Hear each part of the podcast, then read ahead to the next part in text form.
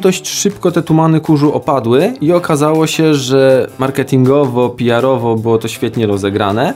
W praktyce ta sztuczna inteligencja, to słowo inteligencja musimy ubrać jeszcze w cudzysłów odsiało część copywriterów, którzy robili tylko takie teksty, te zapleczówki, precle, te, które miały lądować gdzieś na portalach, na dalekich stronach, żeby tylko link building sobie móc zbudować.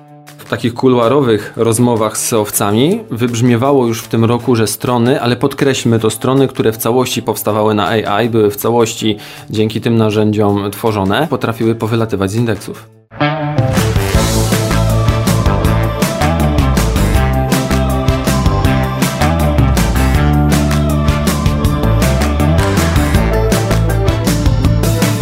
O reklamie w internecie. Dla kogo? Za ile?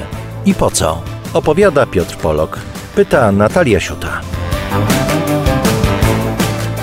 Z tej strony Natalia Siuta i Piotrek Polok, a z nami Piotr Kaleta, kontentowiec z doświadczeniem w treściach e-commerce i SEO friendly, autor książki SEO Origami Sztuka Pisania Unikatowego, content manager, copywriter, po godzinach trener content i SEO, który pomaga układać, wdrażać oraz egzekwować strategie związane z treścią. Cześć. Cześć, dzięki Wam wielkie za zaproszenie. Cześć, dzień dobry. Słuchajcie, ChatGPT jest z nami od jesieni 2022 roku.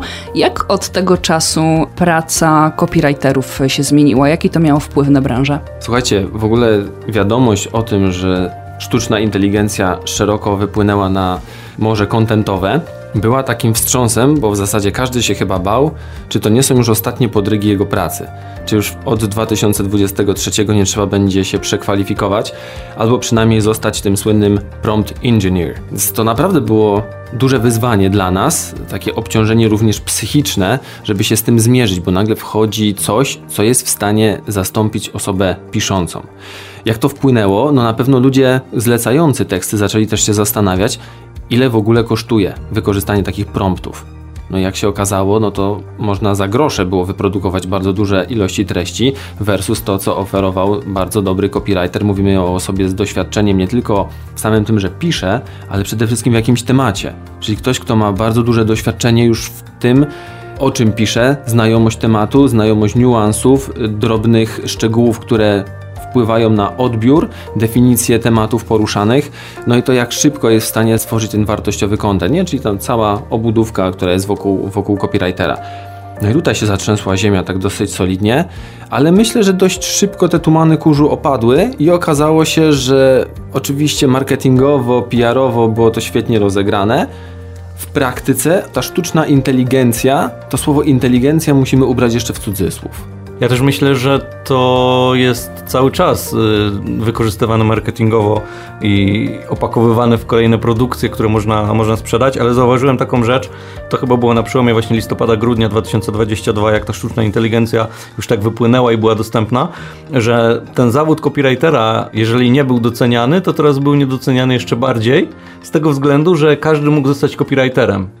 Jakby rozumiecie, chodzi mi o to, że e, teraz wpisując jedną komendę do, do narzędzia, mamy tekst, na który czekaliśmy 4 dni od copywritera, bo on musiał zrobić research, zapoznać się z tym, zweryfikować, napisać, jeszcze zrobić to w takim, a nie innym stylu, oddać to, poczekać na poprawki, poprawić i dopiero tekst będzie zaakceptowany. Tutaj ludzie myśleli trochę tak skrótowo bardzo, że okej, okay, Czyli nie muszę płacić copywriterowi, nie muszę poświęcać czasu, nie muszę tego weryfikować, tylko sobie wrzucę, a potem e, wrzucę to do siebie na stronę. Ale bardzo szybko zaczęło wychodzić, że czat wprowadza w błąd. Oczywiście copywriter też może, ale to nie było jakby takie od początku oczywiste, że chat GPT może się pomylić.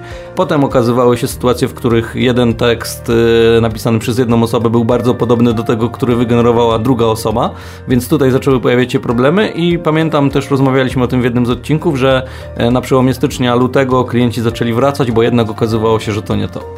Masz wiele racji w tym, co mówisz. Ja zauważyłem jeszcze taką jedną tendencję, że wydawało się, że wpiszę powiedzmy prostą komendę napisz mi artykuł na temat i tutaj wstaw dowolnie i nagle dostanę, nie wiem, na 6-7 tysięcy znaków gotową rozprawkę. A się okazało, że to nie jest takie proste, że trzeba tak naprawdę albo mu narzucić plan, albo nawet zaproponować, że stwórz mi plan do artykułu na temat i on dopiero przygotowuje. Można mu doprecyzować, że ileś tam punktów. Potem prosisz go, żeby rozwijał każde punkty. Okazuje się, że no, trzymając się cały czas logiki GPT, cały czas musisz go prosić, że na przykład utrzymaj go w takiej tonacji. Okazało się, że żeby ten tekst nie był laniem wody, to też narzucasz mu, że nie poruszaj takich kwestii, a na przykład skup się na tym i ją rozwiń. Żeby ona nie była banalna, to narzuć mu w prompcie z kolei że na przykład wpleć w historię, utwórz wokół tego historię związaną z i teraz podajesz jaka to jest historia. I sumując ten czas, okazuje się, że spędzasz go jednak, to nie jest tak, że o, 3 minuty i mam już tekst i naprawdę w ciągu dnia wypełnię tę stronę, tylko trzeba na to zwracać dużą uwagę. Mało to, on ma tendencję do tego, żeby w pewnym momencie po prostu ucinać. Uznaje, że kończy wypowiedź i musisz go pogonić i czytałem oczywiście posty na grupach związanych z czatem GPT, że proszę go o napisanie opisu na 3,5 tysiąca znaków, on kończy po 1,5 tysiąca. Dlaczego? No napisz mu, kontynuuj, nie skończyłeś jeszcze, prawda? Trzeba to na nim wymuszać. Potem okazywało się, że nawet jeżeli dobijał do zadanej liczby znaków, to cały czas wałkował te same informacje. Wałkował to samo, lał wodę, nie był w stanie coś wartościowego wymyślić. Mało tego, zdarzało się, że nawet zaczynał zmyślać. Zwłaszcza jak nakazywało mu się coś, że idź w tym kierunku, no to on posiłkował się taką wiedzą, jaką gdzieś tam dostawał, jako model językowy, ponieważ on jest modelem językowym, o czym ludzie zapomnieli na samym początku albo w ogóle zignorowali ten fakt definicji, a nie jest big data, która po prostu obrabia dane i wyrzuca i wyrzuca je w postaci gotowych tekstów. No też zdarzały się sytuacje, że jeżeli czat się pomylił i napisałeś do niego ej, pomyliłeś się, to czat mówił tak, rzeczywiście pomyliłem się, masz rację i, i podawał znowu coś innego. Zapytam trochę przewrotnie pewnie i nie będzie na to jednej odpowiedzi, ale tak jak słyszymy od 10 lat, że SEO is dead, Myślisz, że to samo będziemy mówić przez następne lata o copywritingu, a copywriting będzie miał się cały czas tak jak się ma, albo jeszcze lepiej? Bo spotkałem się z definicją tego, w zasadzie jeden z klientów mi o tym powiedział, który odszedł, a później wrócił, że testował sobie różne e, sposoby, ale jednak wrócił do copywritingu, bo oprócz tych emocji i tego zrozumienia tematu, masz takie poczucie, że to jednak napisał człowiek, a nie robot. Zgadzam się. Zgadzam się i to było nawet poruszone na jednym z barkampów, dokładnie w Olsztynie, SEO Poland On Tour, gdzie ja mówiłem z perspektywy kontentowca właśnie o tym, jak ta wartościowa treść jest nagradzana przez Google'a i jeszcze dwóch innych prelegentów, z innego podwórka, bardziej takiego technicznego, niezależnie potwierdziliśmy to samo i tak naprawdę trochę się obawialiśmy wszyscy trzej tych swoich wystąpień, czy inni poprą to, czy to będzie tylko własna, własna taka wizja i obserwacja, ale później podaliśmy sobie ręce, że kurde, to jest niesamowite, że do tych samych wniosków dotarliśmy idąc zupełnie różnymi drogami. Faktycznie ja to widzę na przykładzie klientów, z którymi pracuję, ale również takiego e-commerce'u technologicznego, który na ostatniej sierpniowej aktualizacji no, dostał niesamowitego kopa. A myślisz, że to jest dzisiaj, patrząc z perspektywy zawodu copywritera, mówię o zawodzie, nie o dodatkowej pracy po pracy zwykłej gdzieś tam, że ten zawód copywritera może być jeszcze bardziej opłacalny niż jest, bo na wielu grupach mówi się o tym, że ChatGPT odsiał tak zwanych zapleczowców, że tak. odsiał precle, odsiał tak. teksty niskiej jakości i tak dalej. Nie mam z tym problemu, bo też nie miałem do czynienia z tą treścią, ale teraz albo chcesz być pełnoetatowym copywriterem i się przyłożyć do tej roboty, albo po prostu znikasz z branży, gdzie tak się wydarzyło przy, przy tych małych zleceniach. I teraz pytanie, czy to pójdzie właśnie w tę stronę, że copywriting będzie jakościowy sam w sobie już, bo będziesz musiał to umieć tak jak w innych zawodach, czy będą dalej się trafiać osoby, które albo będą pisać niskiej jakości treści czatem, albo właśnie będą oferować nie tylko treść, ale też inne usługi wykonywane czatem, takie jak programowanie na przykład. Strasznie duży temat narzuciłeś. Dobra, spróbuję go na części pierwsze rozłożyć po kolei. Zgadzam się z tym, że odciało część copywriterów, którzy robili tylko takie teksty, te zapleczówki, precle, te, które miały lądować gdzieś na portalach, na dalekich stronach, żeby tylko link building sobie móc zbudować. I super. I rzeczywiście, wiesz, dla kogoś, no po co ma płacić, nie wiem, 7-10 zł za 1000 znaków ze spacjami, wrzuca sobie to w prompt, treść podobnej jakości, która nie musi być wybitna, może być trochę bełkotliwa, ale ważne, żeby mniej więcej pokrywała temat.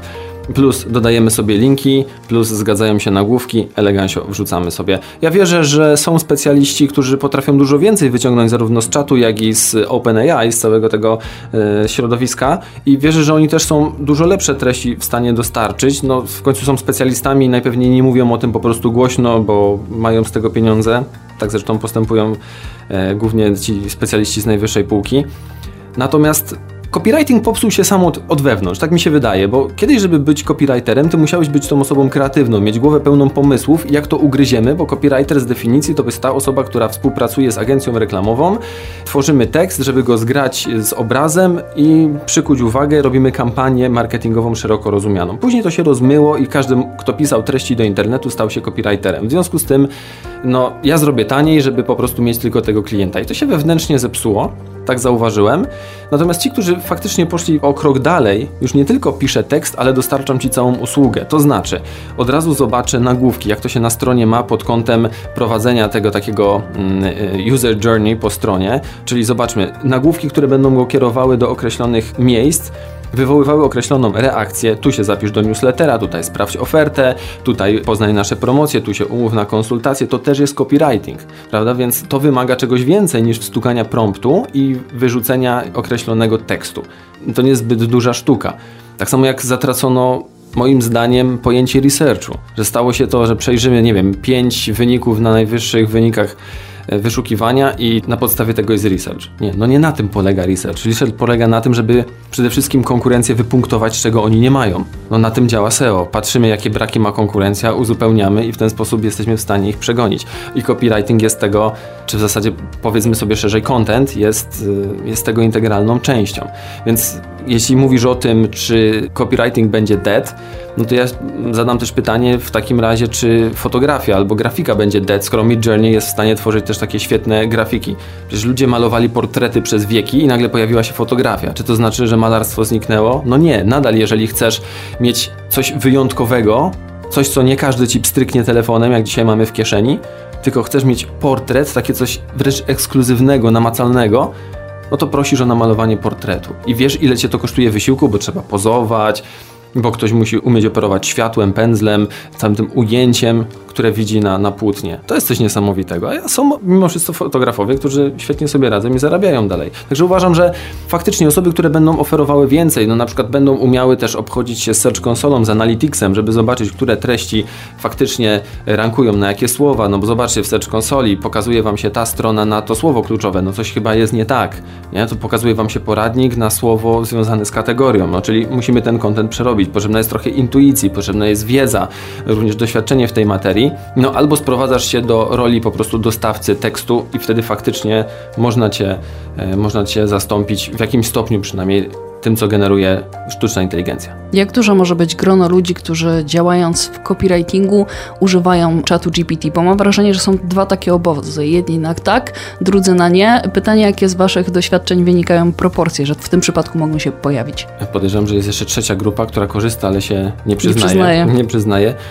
Nie umiem określić tych proporcji. To nie zostało zbadane prawdopodobnie i nie wiem, czy będzie zbadane. Może kiedyś ktoś się pokusi. Weźcie pod uwagę, że odcinanie się na siłę od sztucznej inteligencji też nie jest zbyt fajne, bo nie wiesz tak naprawdę, do czego jest zdolna twoja, ta, można powiedzieć, konkurencja, która poszła w stronę pisania maszynowego.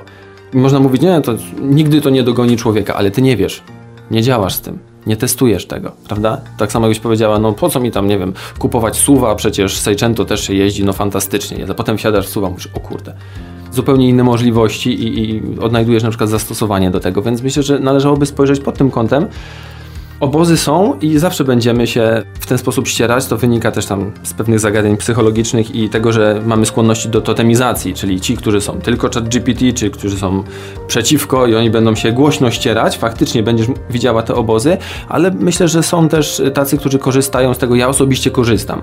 Nie mówię, że wszystko, co robię, powstaje dzięki czatowi czy OpenAI, ale również korzystam, patrzę, bo czasem pokazuje mi ta maszyna rzeczy, na które ja bym nie zwrócił uwagi nie wiem czy wiecie, ale możecie na przykład, żeby ten tekst faktycznie nabrał takiego, był bardzo barwny, to możecie mu powiedzieć, że napisz mi tekst, utworzycie prompt oczywiście jak on ma być i narzucacie mu styl, napisz mi to w stylu Aleksandra Dima na przykład. Mhm. A potem prosisz, napisz mi to jak Bram Stoker. Czyli bardziej jako inspiracja też, jako pomysł na to, w którym kierunku pójść, na przykład e, z pisaniem kolejnego tekstu na podobny temat, czy w inny sposób też byś to widział, żeby wykorzystać? Ja proszę chat GPT i nie ukrywam tego, na przykład stwórz mi plan jakiegoś tam artykułu czy poradnika. No i patrzę, na co on zwraca uwagę, co jego zdaniem byłoby ok, i zderzam to w, z własnym doświadczeniem i z tym, co ja bym na przykład użył, i patrzę, co mi też podsuwają narzędzia SEO, te ich sekcje kontentowe. Czyli jako pomysł, alternatywa do tego, jakie Tak, ty tak, masz, tak, w bo jakim kierunku ty chcesz Słuchajcie, no to są zawsze narzędzia. Narzędzia nie są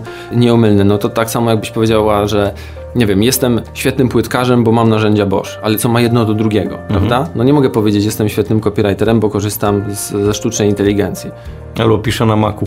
Ale też No. dobrze, żeby to No wybrzmiało... ty piszesz na Macu. Tak, ale, ale nie będę się oceniał. Też dobrze, żeby to wybrzmiało, bo mam takie poczucie, zresztą jeden wpis na LinkedInie, który, który temu poświęciłem, że ChatGPT równa się tworzenie treści. A nie do końca tak jest i jeden z e, artykułów, który znalazłem kiedyś w sieci, e, nie wiem czy to był troll, czy to był test, czy może ktoś nie zauważył, ale był artykuł dotyczący przewożenia nerki w samolocie. Czy wolno przewozić nerkę w bagażu podręcznym? Chodziło oczywiście o nerkę do zapinania, akcesoria odzieżowe, a ChatGPT zrobił to w kierunku tego, że nie wolno nerki przewozić, bo nie jest to zgodne z medycyną i tak dalej, więc nie możesz nerki przewieźć. Musisz ją odpowiednio zabezpieczyć, nerka nie może leżeć luzem i tak dalej. I taki artykuł poszedł, możecie go zobaczyć u mnie na LinkedInie. Więc to, o czym mówisz, czyli wspomaganie się czatem jest dla mnie w porządku. Nie jest dla mnie w porządku zastępowanie pracy przy tworzeniu treści czatem i też o tym głośno komunikuję, bo e, spotykałem się z sytuacjami, gdzie klienci mówią: OK, jeżeli ktoś pracuje czatem, to nie powinien zarobić tyle, ile pracowałby tworząc tekst samodzielnie. OK, można powiedzieć, że to jest narzędzie, więc nieważne w ile to wykonam, ale jak. I tutaj pojawia mi się druga kwestia dotycząca tego, że nie wiemy jeszcze, jak zareaguje na to algorytm Google. Jeżeli będziemy tworzyć te treści teraz czatem, to za moment może okazać się, że będziemy top 1, ale za moment może okazać się również, że nie będziemy w ogóle. Tak na to patrzę. I masz w tym sporo racji, bo w takich kuluarowych rozmowach z SEOwcami wybrzmiewało już w tym roku, że strony, ale podkreślmy to strony, które w całości powstawały na AI, były w całości dzięki tym narzędziom tworzone. Mówimy tutaj o warstwie kontentowej, a w połowie roku potrafiły powylatywać z indeksów. I teraz, jeżeli ktoś na tym opiera swój biznes, no to robi się słabo. Nawet y, jeszcze jedną rzecz bym dodał, bo to, że ktoś tworzy treści na przykład na stronę główną albo na strony ofertowe, tworzy je sztuczną inteligencją, to mam takie poczucie, że nawet nie chciało ci się napisać treści, a chcesz mi zaoferować swoją usługę, więc jak nie dbasz o swoją usługę, to co dopiero o mnie. Patrzę trochę na to pod kątem wysiłku. Mhm. Kolejna rzecz to jest fact-checking, ponieważ no ja już od bez mała 10 lat siedzę w e, kontencie technologicznym. No i widzę, że narzędzia sztucznej inteligencji niekoniecznie radzą sobie z rozwojem tego, bo tu następuje bardzo szybki rozwój, pojawiają się nowe technologie, nowe rozwiązania, które wcześniej nie miały w ogóle precedensu. W związku z tym one tu są bezradne. Starałem się załatać tę lukę, widzę nieraz, odwołując się do jakiejś, no ten model językowy, właśnie coś, co będzie najbardziej zbliżone wyrażeniami do tego, czego ja od niego oczekuję, ale one sobie ewidentnie nie radzą. Niejednokrotnie mylą fakty, a branża technologiczna jest taka, że nie możesz mylić faktów. To jest po trosze jak medycyna. Nie możesz sobie powiedzieć, że kup nasz suplement, stawiasz znak równości, że to jest lekarstwo. No nie, to tak nie działa, to tak nie może być. To więc w technologii związanej z IT nie możesz powiedzieć, że coś z czemuś i się pomyliłeś. Nie, ponieważ po drugiej stronie są ludzie, którzy takie rzeczy wychwytują bezbłędnie i bezlitośnie. No sam pewnie miałeś nieraz y, do czynienia z informatykami i dla nich po prostu to jest wręcz no niedopuszczalne mylenie pewnych pojęć. No jak można coś tam z czymś pomylić? Nie? Dla ciebie to jest w zasadzie to samo, nie? To jest tam jakaś element komputera, element oprogramowania. A dla niego nie, to jest czarne, to jest białe, tego nie wolno w ogóle. Zero-jedynkowo. Tak. Ale to myślisz, że z czego to wynika, że czat się myli? Bo obserwując też grupy, pewnie widziałeś ten wpis, na jednej grupie dla copywriterów pojawił się wpis dotyczący informacji, że chat GPT głupieje. To znaczy chat GPT na początku był super, potem był trochę gorszy, a teraz wypluwa bzdury i padło takie stwierdzenie, teraz parafrazuję, bo nie pamiętam tego dokładnie, ale że chat GPT głupieje, bo zaczyna uczyć się od ludzi.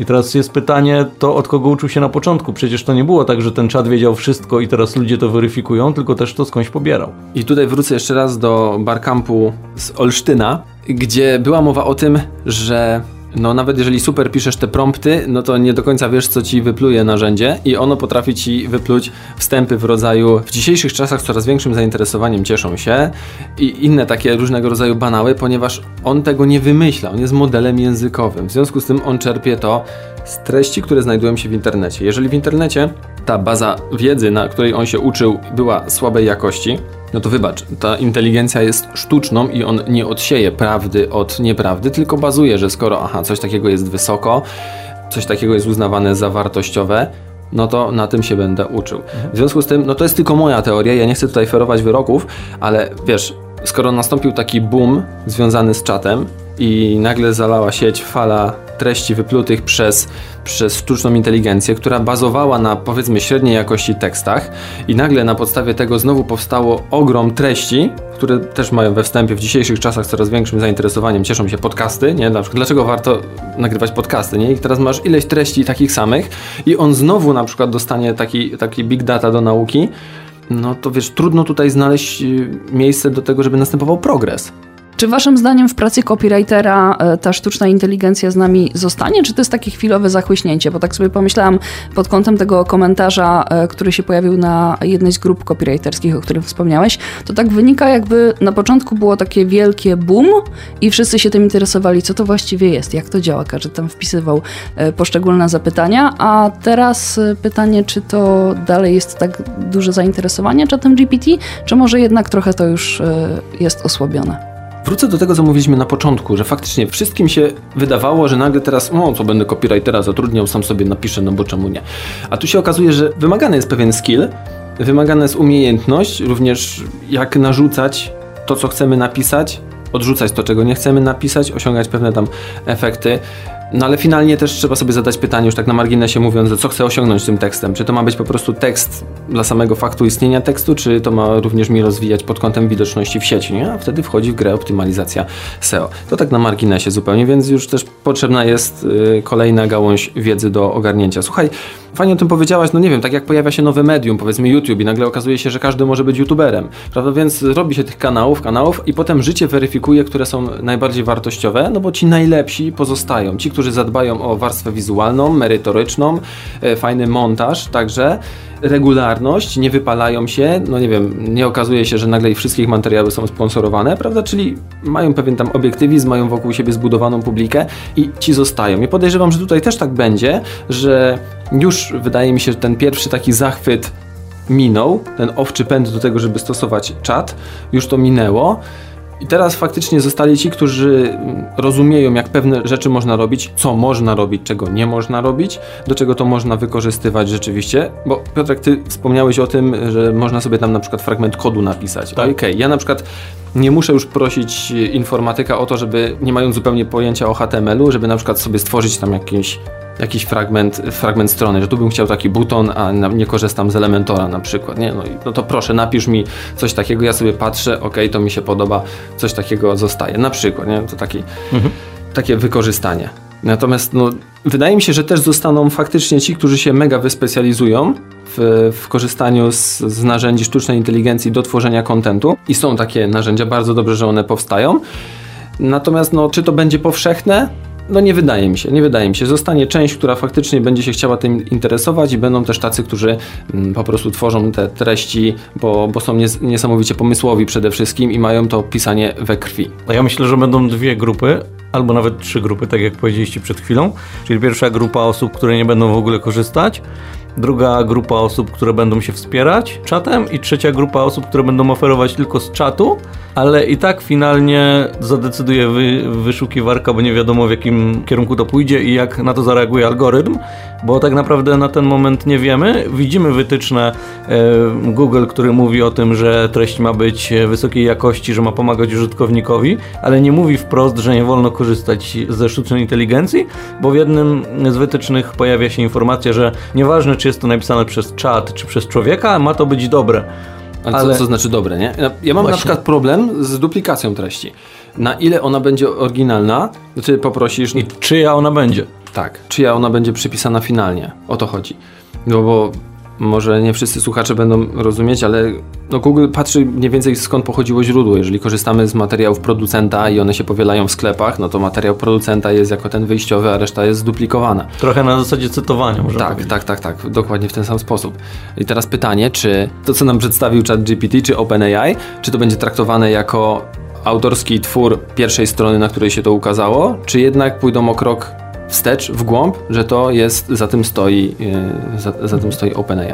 Ja też zastanawiałem się w zasadzie wspólnie z Natalią, jak robiliśmy research do tego odcinka, czy nie powinno być trochę tak jak z fotografami, że są na przykład znaki wodne, to w treści też powinna być informacja, że to zostało wygenerowane przez sztuczną inteligencję. Tylko, że wtedy, jeżeli ja przeczytałbym taki artykuł, to trochę mm, miałbym poczucie, tak jak dzisiaj czytam, że artykuł jest sponsorowany. Mhm. A wiesz, że niektórzy już tak wrzucają artykuł napisany we współpracy z AI? No to, to jeszcze nie, Nie widziałem, będę mówił kogo. mnie to. Wyślę ci, wyślę ci po nagraniu, natomiast y, były takie już sytuacje, że już po prostu pisano o tym. To możesz się wspierać, y, jak robisz takie, wiesz jak to jest w redakcjach, no pracowałeś, to chyba wiesz, że przygotowujesz się od lat na śmierć królowej Elżbiety, nie? no więc te materiały da się wygenerować dosyć szybko, żeby one były zebrane, no bo co tam się mogło zmienić, y, na przykład o jej panowaniu, nie? czyli jesteśmy w stanie sobie również tym pomagać, choć oczywiście trzeba by to przećwiczyć. A propos jeszcze tego, ci, którzy nie będą chcieli w ogóle korzystać z czatu, to nie uważacie, że oni tak jakby y, siłą rzeczy skazują się na takie wyobcowanie z branży? Tu powinien odpowiedzieć Piotrek, bo on jest bardzo na nie właśnie. E, wyobcowanie pod kątem No tego to wiesz, no to na przykład... towarzyskim? Nie, nie, chodzi mi o wyobcowanie pod kątem znajomości branży. No to tak jakby ktoś powiedział, że wiesz, jest taki płytkarz pan Waldek i on mówił, że on całe życie go uczyli kleić na cement, co on się tam będzie na jakieś kleje plastyczne bawił, cement trzymał płytki, to co on będzie zmieniał. Wiesz, chodzi mi Tak, o to, to że... nie, to, to już wyjaśniam. Ja bardziej pod tym kątem, że ja śledzę, co się dzieje, podglądam konkurencję. Jestem tak jak ten kucharz, który gotuje u siebie, ale chodzi też do McDonalda sprawdzić, może się coś zmieniło. Ale po prostu tego nie stosuję, bo nie mam jeszcze na tyle przekonania, że to jest ok. Gdybym miał potwierdzenie, że zastosuj sobie to i to, bo to działa, to wtedy bym to zrobił, ale też w rozmowach z klientami, też y, w jednym z odcinków opowiadaliśmy o tym, że amerykańskie agencje reklamowe podpisują z copywriterami umowy, że copywriter nie będzie używał czatu. Więc tu też jest kwestia tego, e, jak rozmawiasz z klientem, czy klient jest gotowy na to i chce czat, ale wtedy znowu pewnie kwestie finansowe, bo jeżeli czat, to znowu pan napisze to szybciej, bo jest czat. Nie patrząc na to, że e, musisz to zweryfikować znowu, więc znowu poświęcasz Zgadza czas. się. Mhm. Tak czy owak. Właśnie ten fact-checking, no zresztą to nie jest tylko moja opinia, ale też wielu SEOwców mówi, że ten fact-checking jest bardzo istotny, dlatego że Google przeczytało cały internet Mhm. I ono jest w stanie stwierdzić, czy coś jest, czy coś jest aktualne, czy nie. Prawda? Dlatego też znowu na marginesie dodajmy, dlatego tak ważny jest ten recykling treści i ich aktualizacja. Więc jeśli wrzucisz informację, która na, na start jest przestarzała, no, pytanie, co się stanie. Jako copywriter nie mogę odpowiedzieć na to y, w sposób, myślę, całkowicie obiektywny i, i taki pełnowartościowy, dlatego że nie mam środowiska testowego. Gdybym miał jakąś domenę, na którą wrzucałbym tylko takie rzeczy, a podejrzewam, że są specjaliści w Polsce, którzy tak właśnie robią i porównywał z tym, jak y, z treściami, które po prostu piszę. Jeżeli słuchają nas osoby, które takie testy przeprowadzają, to dajcie nam znać, czy, czy rośnie, czy spada, czy, czy maleje, czy wzrasta, e, bo to też będzie dla nas istotne i możliwe, że w kolejnych tematach to poruszymy. Ale nawiązując jeszcze do, do książki, którą napisałeś, czyli SEO Origami, sztuka pisania unikatowego, mówiąc nie tylko o pisaniu, ale o tym też, jak można powiedzieć kolokwialnie, walczyć z czatem, to jest tak, że ty sobie testowałeś i i zebrałeś te najważniejsze rzeczy, które według ciebie były ważne, czy robiliście jakieś burze mózgów i zebrałeś informacje z, od osób, z którymi współpracowałeś? Wiesz co, to jest tak naprawdę zbiór moich doświadczeń na przestrzeni ładnych y, kilku lat w firmie XCOM, z którą wtedy współpracowałem jako kontentowiec. To tak naprawdę no, ciężko powiedzieć, żeby tam było coś odkrywczego, prawda? Ja też nie mówię, że wymyśliłem koło na nowo. Bardziej taki właśnie zebrałem, usystematyzowałem pewną wiedzę, bo widziałem z czym na przykład zmagali się inni copywriterzy, z czym ja miałem duże problemy w kwestii tworzenia tekstów oryginalnych, wartościowych, takie, które by mm, faktycznie wnosiły coś dla klienta. I miałem też spory taki, no brzydko mówiąc, poligon doświadczalny z ludźmi, którzy tworzyli masę opisów produktów, no czyli z działem oferty. I z nimi też prowadziłem przez lata takie szkolenia wewnętrzne, warsztaty. I no to wszystko, całą tę esencję e, zebrałem później do, do książki i widziałem co sprawia im trudności, dlaczego chcą wiedzieć pewne rzeczy, na przykład co powinni napisać, jak na to spojrzeć szerzej, czego w ogóle nie poruszać, żeby nie sugerować jakichś rzeczy. To była taka piguła wielka, którą ja im przekazywałem. Im dzięki temu było łatwiej pisać, tworzyć teksty. No a później stwierdziłem, że kurczę, no skoro mam to tak opracowane w zasadzie w postaci szkoleń, w postaci, e, w postaci prezentacji bardzo wielu i, i takich warsztatów indywidualnych z tymi ludźmi jeden na jeden, no to czemu nie, nie opisać tego w książce, prawda? No i akurat to się fajnie przyjęło. Zebrała sporo fajnych recenzji, zebrała sporo, e, sporo poleceń. Ludzie też docenili to, że spojrzałem na content nie na zasadzie, że napisz, żeby po prostu był tekst, ale faktycznie zastanów się, co wyciągnie z tego klient.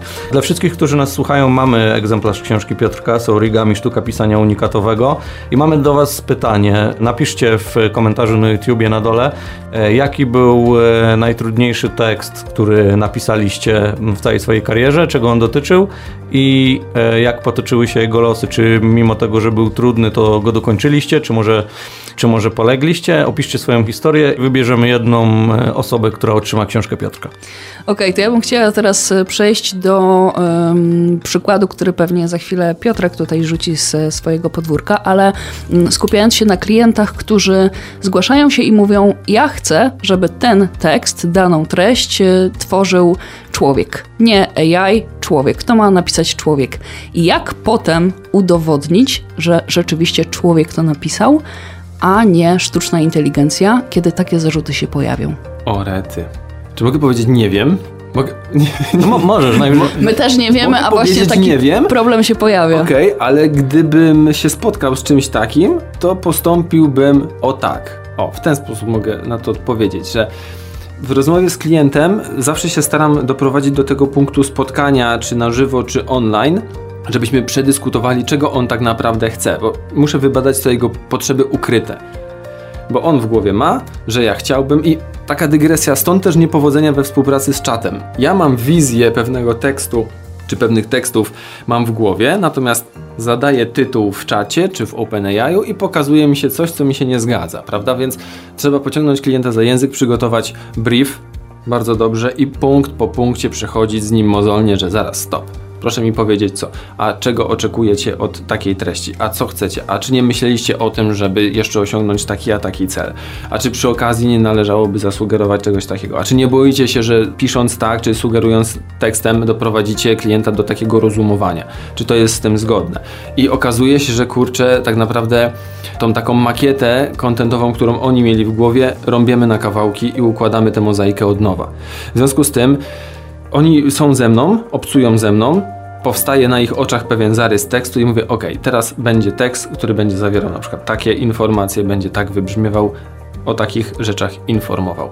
Ja bym do tego podszedł w ten sposób, no bo teraz co? Nie mamy narzędzia, które wrzucimy i on nam powie, czy to wygenerowało. No właśnie, i to jest, to jest ten główny problem i trochę mnie to nie- niepokoi, że nie mamy takiego weryfikatora, bo zdarzyła nam się sytuacja, gdzie stworzyliśmy tekst dla klienta i klient zarzucił nam, że tekst został wygenerowany przez sztuczną inteligencję, a, a osoba odpowiedzialna za ten tekst y, spędziła sporo czasu nad nim, nie używając czatu. I musieliśmy robić swoje wewnętrzne śledztwo, którym użyliśmy pięciu weryfikatorów AI. Było pięć różnych wyników. W jednym było 100% human, w drugim było 50% sztucznej inteligencji, w trzecim było, że tylko kilka zdań, a te kilka zdań, które było wygenerowane w cudzysłowie przez sztuczną inteligencję, dotyczyło właśnie tego, o czym ty powiedziałeś, czyli w naszej ofercie znajdują się najlepsze na przykład, czyli takie, mm, takie przykłady, Takie gdzie... truizmy- tak, truizmy gdzie to, gdzie to się pojawia cały czas, więc nie da się tego uniknąć. E, nie mówię, że podczas pisania tekstu, tylko że podczas sprawdzania przez AI, bo pewnie gdzieś już to e, zdanie zostało zamieszczone, tylko w innej branży albo w innym tekście. No i właśnie do tego zmierzamy, że po tej mojej weryfikacji wewnętrznej w pięciu e, różnych e, narzędziach klient nie odpowiedział. To znaczy temat się rozmył i najtrudniej jest udowodnić swoją niewinność, gdzie wiesz, że ty tego nie zrobiłeś, a klient zarzuca, że pisałeś AI-em i co więcej zdarzały się sytuacje, gdzie klienci świadomie mówili o tym, że pisałeś AI-em, nawet jeżeli nie pisałeś, bo koniec końców nie musieli zapłacić za ten tekst, bo nawet jeżeli copywriter napisał sam tekst, ale cały czas y, słyszał o zarzutach, to już wolał powiedzieć, dobra, odpuszczam, nie chcę za to pieniędzy, ale już się nie kontaktujmy. No i tak też da się zarabiać, wydaje mi się. Pachnie to januszostwem. Tak. Wiesz co, ja tutaj mam takie pytanie natury bardziej etycznej może. Skąd taki zarzut? Ta, w takim razie pytanie, skąd zarzut, skąd pomysł, że to powstało AI-em i przynajmniej w polskim prawie jest tak, że nie masz udowodnić niewinności, tylko trzeba ci udowodnić winę. Tak. To nie powinno być w tę stronę. A sam zarzut wziął się stąd, że osoba, która otrzymała ten tekst, wrzuciła go do weryfikatora AI i ten weryfikator pokazał, że jest tekst AI. Tak zaczęła się cała historia. A na ile skuteczny jest ten Właśnie weryfikator? nie jest. No nie jest, Skuteczny, bo- dlatego w pięciu różnych sprawdziliśmy. Tak, ale ja potem jak usłyszałam to, to stwierdziłam, dobra, to ja sprawdzę tekst, który, czy właściwie całego tekstu tam się nie dało do tego weryfikatora wrzucić, bo jak jest coś dłuższego, to i tak musisz partiami wrzucać. I stwierdziłam, dobra, ja pisałam przecież tekst y, ostatnio dla Piotrka, mówię, to wezmę fragmenty i wrzucę. No i w jednym właśnie miałam informację, 100% człowiek napisał, mówię, okej, spoko, ale sprawdzam kolejne te linki i się pojawiało, że no jest takie prawdopodobieństwo, że na przykład w 40% mogła to stworzyć sztuczna inteligencja. Okej, I to mnie przeraziło, brzmi, szczerze mówiąc. Czemu ma być w 40%? Dlaczego miałbym sobie dokładać 60% pracy? To przecież lepiej byłoby, nie wiem, zrobić 10%, ponieważ no, jakaś tam korekta zdań, w tu i ówdzie wplecenie emocji, mikromomentów, parę innych zabiegów copywriterskich i gotowe. Dlaczego mam sobie dokładać tego tylko w 40%, skoro płacę za to narzędzie?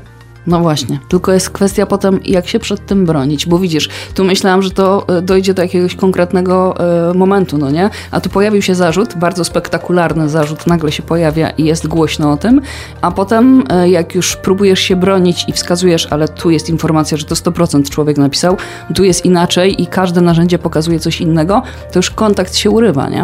Dobra, wypadałoby w takim razie zawierać umowę z klientem i zapisywać w niej, że na przykład my deklarujemy, że to jest 100% human tekst, natomiast że wszelkie sprawy, które by zarzucały tobie, że korzystasz z narzędzi, no to ich weryfikacja leży po stronie zleceniodawcy. Tak, to prawda. Tylko pamiętaj o tym, że te zarzuty, które otrzymujesz, e, one są bardzo mocne i raz, że ciężko się z tego wybronić, dwa, tracisz bardzo na wizerunku i zaufaniu. Nie no, zgadzam się, oczywiście.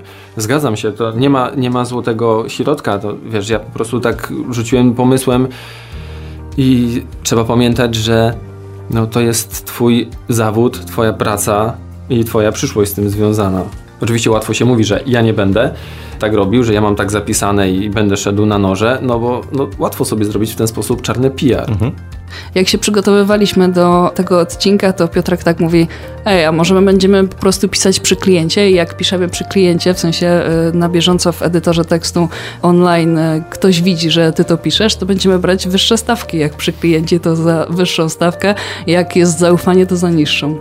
Okej, no dopóki nie ma integratora z Wordem, że powstaje gdzieś. Tak, ale Tak, i potem, no, bardziej nawiązywałem do tego, jak e, są takie plakietki u mechaników samochodowych.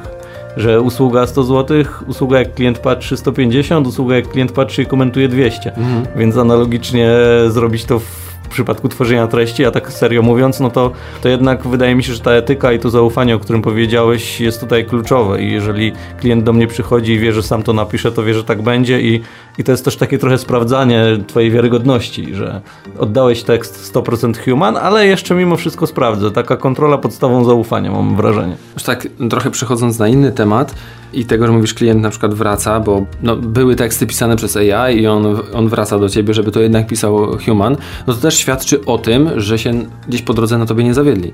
Że mieli doświadczenie z tym y, czatem, czy, czy z OpenAI, czy jakąkolwiek inną aplikacją do tworzenia tekstu przez sztuczną inteligencję i na tym się zawiedli. Gdzieś tam nie zagrało coś i stwierdzili, no wracamy do Piotra, bo on to ogarnia jednak lepiej. Ja z kolei mam takie doświadczenie, że ludzie najpierw próbowali, że my sobie sami napiszemy, a potem było, no słuchajcie, no pomóżcie nam znaleźć copywritera, który to ogarnie, no bo się każdemu wydawało, a co tam napiszemy jakiś tekst i potem się okazywało, że tydzień spędzali nad tym, żeby napisać jakiś prosty tekst, bo, bo napisali jedno zdanie, nie kleiło mi się z drugim, no to było takie wszystko bez sensu, u konkurencji to wygląda lepiej.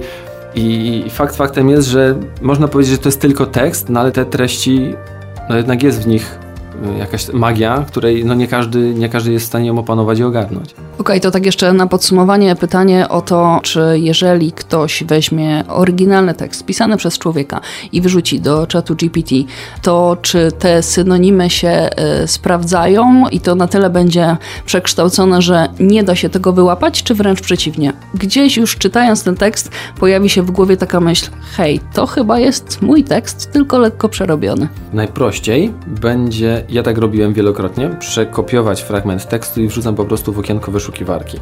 Bo wyszukiwarka, te słowa musiały być bardzo pojedynczo i rozproszone, czego się nie da zrobić, jeżeli tylko synonimizujesz tekst. Więc podświetli ci, pogrubi wszystkie te strony, na których tekst został przekopiowane, ewentualnie zmieniono tylko parę słów. Synonimizacja, o czym też pisałem w Seorigami, nie rozwiązuje problemów. Dlaczego? Synonimy są słowami bliskoznacznymi. Słowami, to nie są całe zdania, to są słowa, więc y, jeżeli przepuścimy to przez antyplagiarizm, to się okaże, że wymieniliśmy tylko niektóre słowa, frazy, nie, same słowa. Bierzcie też pod uwagę, że to są bliskoznaczne. To znaczy, że jak wpiszemy sobie, skorzystamy ze słownika synonimów, to nagle okaże się, że jeden, dwa są rzeczywiście tożsame, pozostałe już nie. Więc teraz tak, zadajemy maszynie, nad którą nie panujemy, sparafrazujmy to używając synonimów. Nie mamy wpływu na to, jakich synonimów ona użyje. I potem pojawiają się różne kwiatki. I o ile, no nie wiem, w takim jakimś prostym poradniku domowym, jak na przykład zadbać o, o to, żeby ściereczki były zawsze świeże, jak pozbyć się bakterii z deski do krojenia warzyw, okej. Okay. Tam pewne rzeczy to w dalszym ciągu operujemy takim językiem potocznym, mową swobodną i codzienną, to nie będzie wielki jakiś błąd. Ale na moim poletku technologicznym, jak zaczniemy pewne wyrazy zamieniać, no to znowu wraca ta zero-jedynkowość. I okaże się, że nie, ten tekst jest nie do przyjęcia. Zupełnie to, to wiecie, no, odbiorca stwierdzi, kto to w ogóle pisał. Co to jest? Dla nas nie ma problemu, że będzie powtórzenie, tam nie musi być jakaś szczególnie barwny ten język, ale nie można zahaczać o pewne słowa. I tu jest ten problem. I moim zdaniem łatwy do wychwycenia właśnie ze względu na to, że posługując się zwykłą wyszukiwarką zobaczymy, że jest wyboldowane, co zostało ukradzione. Jest też narzędzie, to się nazywa Copyscape, też można tam wrzucić i poprosić o analizę, czy, czy coś takiego się nie wydarzyło. Ja z niego swego czasu korzystałem często, będąc w Xcomie, dlatego że wprowadzaliśmy niejednokrotnie produkty na rynek polski jako pierwsi i ja odpowiadając również za tą sekcję kontentową przy produktach, no tworzyłem w dużych ilościach treści unikatowe właśnie dla produktów. I zdarzało się, że konkurencja, i większa, i mniejsza, po prostu sobie zapożyczali te teksty, bo czemu nie? Nie, nie pytając o zdanie, wiecie, Nikt nie, nawet sobie nie zadawał trudu sprawdzić, czy nie wiem, jakaś dystrybucja, czy producent w Polsce udostępnia materiały po polsku. Nie, tam XCOM wrzucił to bach do siebie. No i potem oczywiście takie zbiorcze pismo. Tego nigdy nie odpuszczaliśmy i wszystkim sugeruję korzystanie wtedy z usług kancelarii, że wysyłamy pismo, prosimy o zdjęcie w terminie do, ponieważ jest to, e, jest to nasza własność, treść autorska napisana przez nas i tak dalej. I wtedy bezbłędnie wyłapywaliśmy, kto sobie pożyczył nasze treści. Nawet jeżeli faktycznie one tam gdzieś były, jakieś próby synonimizacji i tak dalej, no wyłapuje. Nawet jeżeli ktoś zastosuje taki prosty zabieg jak zamiana szyku zdań, no to też przeklejasz zdanie. Po prostu maszyna widzi to zero-jedynkowo, jest taki układ słów. Dziękuję, dobranoc. Jest to wychwycone, więc tutaj Google będzie Wam e, z wyszukiwarką swoją bardzo pomagało, żeby zobaczyć, czy ktoś przypadkiem sobie tego tekstu nie pożyczył, tak jak mówisz, tylko wrzucił, zaproponował czatowi, weź mi to sparafrazuj. Tylko te parafrazy, no właśnie, gdybym miał parafrazować, to, to bym też musiał poświęcić trochę czasu, żeby to zobaczyć, czy nie wytraciło sensu, czy nie pojawiły się słowa, gdybyśmy chcieli sparafrazować, czy synonimizować słowo kobieta, czy nie pojawi się nagle dziewoja białogłowa, nie, bo to już zaczyna być dziwne. O reklamie w internecie. Dla kogo? Za ile? I po co?